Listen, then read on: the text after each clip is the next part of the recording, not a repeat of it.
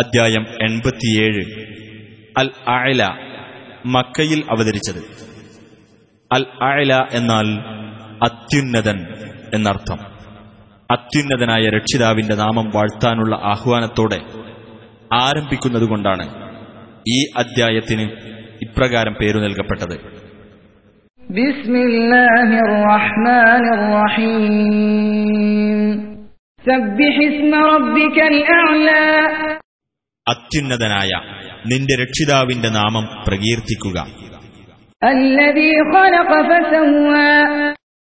സൃഷ്ടിക്കുകയും സംവിധാനിക്കുകയും ചെയ്ത രക്ഷിതാവിന്റെ والذي قدر فهدى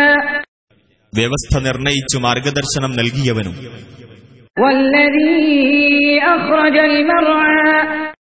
മേച്ചിൽ പുറങ്ങൾ ഉൽപ്പാദിപ്പിച്ചവനും فجعله غثاء أحوى എന്നിട്ട് അതിനെ ഉണങ്ങിക്കരിഞ്ഞ ചവറാക്കി തീർത്തവനുമായ രക്ഷിതാവിന്റെ നാമം سنقرئك فلا تنسى നിനക്ക് നാം ഓതിത്തരാം നീ മറന്നുപോകുകയില്ല إلا ما شاء الله إنه يعلم الجهر وما يخفى അള്ളാഹു ഉദ്ദേശിച്ചതൊഴികെ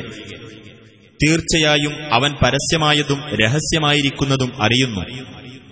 ونيسرك لليسرى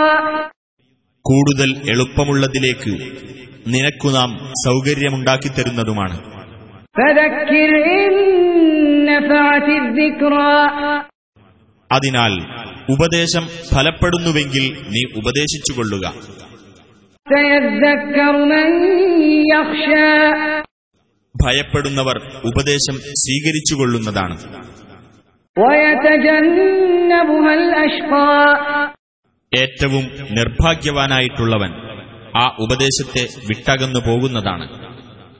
الذي يصلى النار الكبرى വലിയ അഗ്നിയിൽ കടന്ന് എരിയുന്നവനത്രേ അവൻ ثم لا يموت فيها ولا يحيا പിന്നീട് അവൻ അതിൽ മരിക്കുകയില്ല ജീവിക്കുകയുമില്ല قد أفلح من تزكى തീർച്ചയായും പരിശുദ്ധി നേടിയവർ വിജയം പ്രാപിച്ചു وذكر اسم ربه فصلى തന്റെ രക്ഷിതാവിന്റെ നാമം സ്മരിക്കുകയും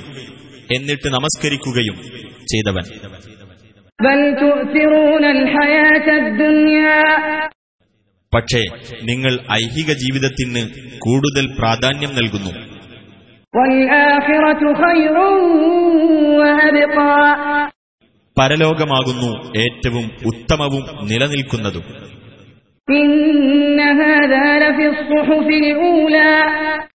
തീർച്ചയായും ഇത് ആദ്യത്തെ ഏടുകളിൽ തന്നെയുണ്ട്